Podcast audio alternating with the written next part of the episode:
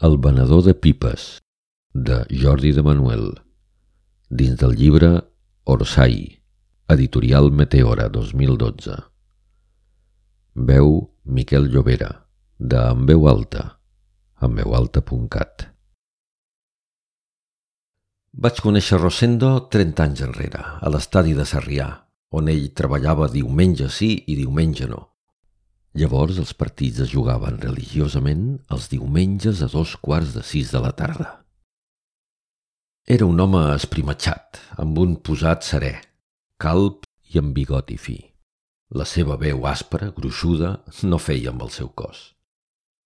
Els estris que usava a la feina eren senzills, una safata feta de vímet, un cordill per penjar-se-la al coll i una ronyonera on ficava les monedes.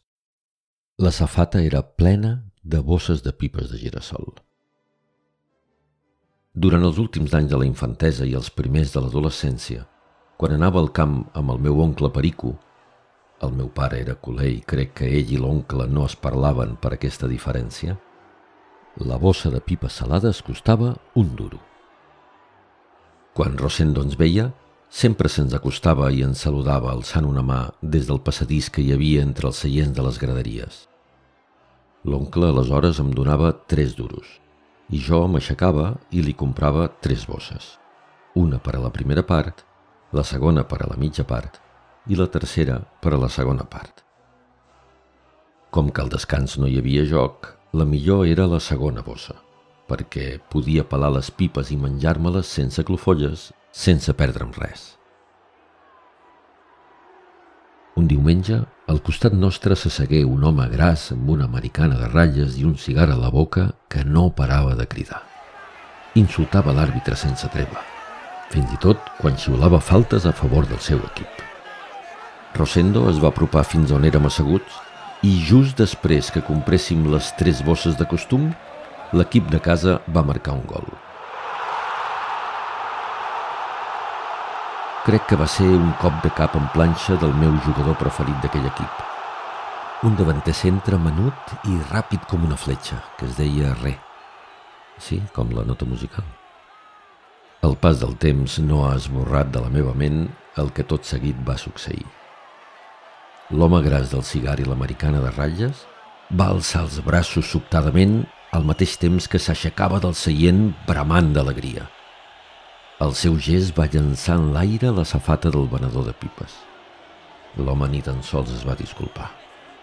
Sense immutar-se, Rosendo es va ajupir i va començar a recollir les bosses entre els seients i els peus dels aficionats, que, de tan entusiasmats com estaven, no s'adonaven que tenien un home entre les cames. Em vaig posar de quatre grapes i vaig començar a ajudar-lo un home i un nen entre les cames que tampoc no va ser advertit. Ell, des de terra, em va mirar i em va somriure. Va ser l'única vegada que vaig veure un somrís dibuixat al seu rostre. A continuació em va regalar una bossa i em va dir amb la seva veu enrogallada «Té, noi, aquesta per després del partit».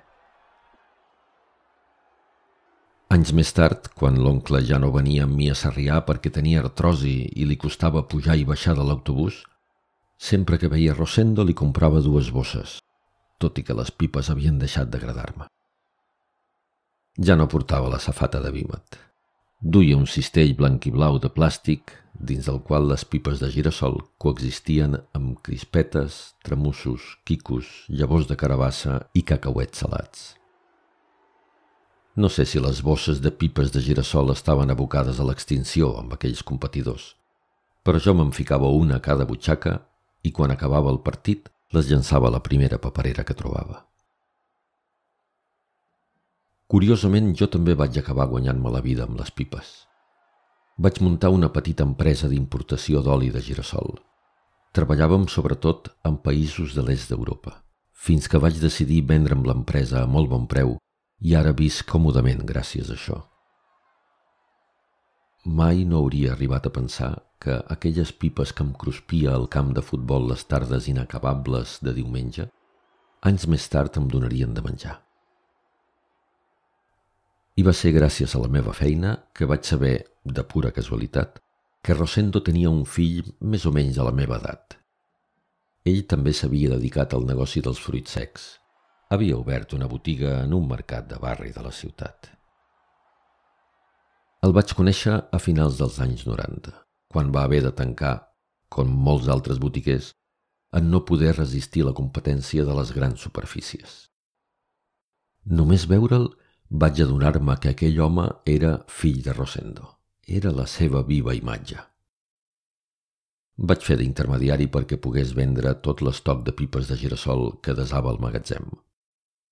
Em va explicar que el seu pare havia mort poc després de jubilar-se per les ferides que li causà una motocicleta en atropellar-lo.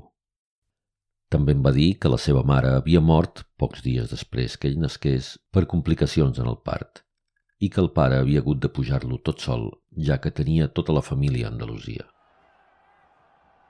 Em va impressionar saber que les tardes de diumenge, mentre Rosendo venia pipes, un nen com jo l'esperava tot sol a casa.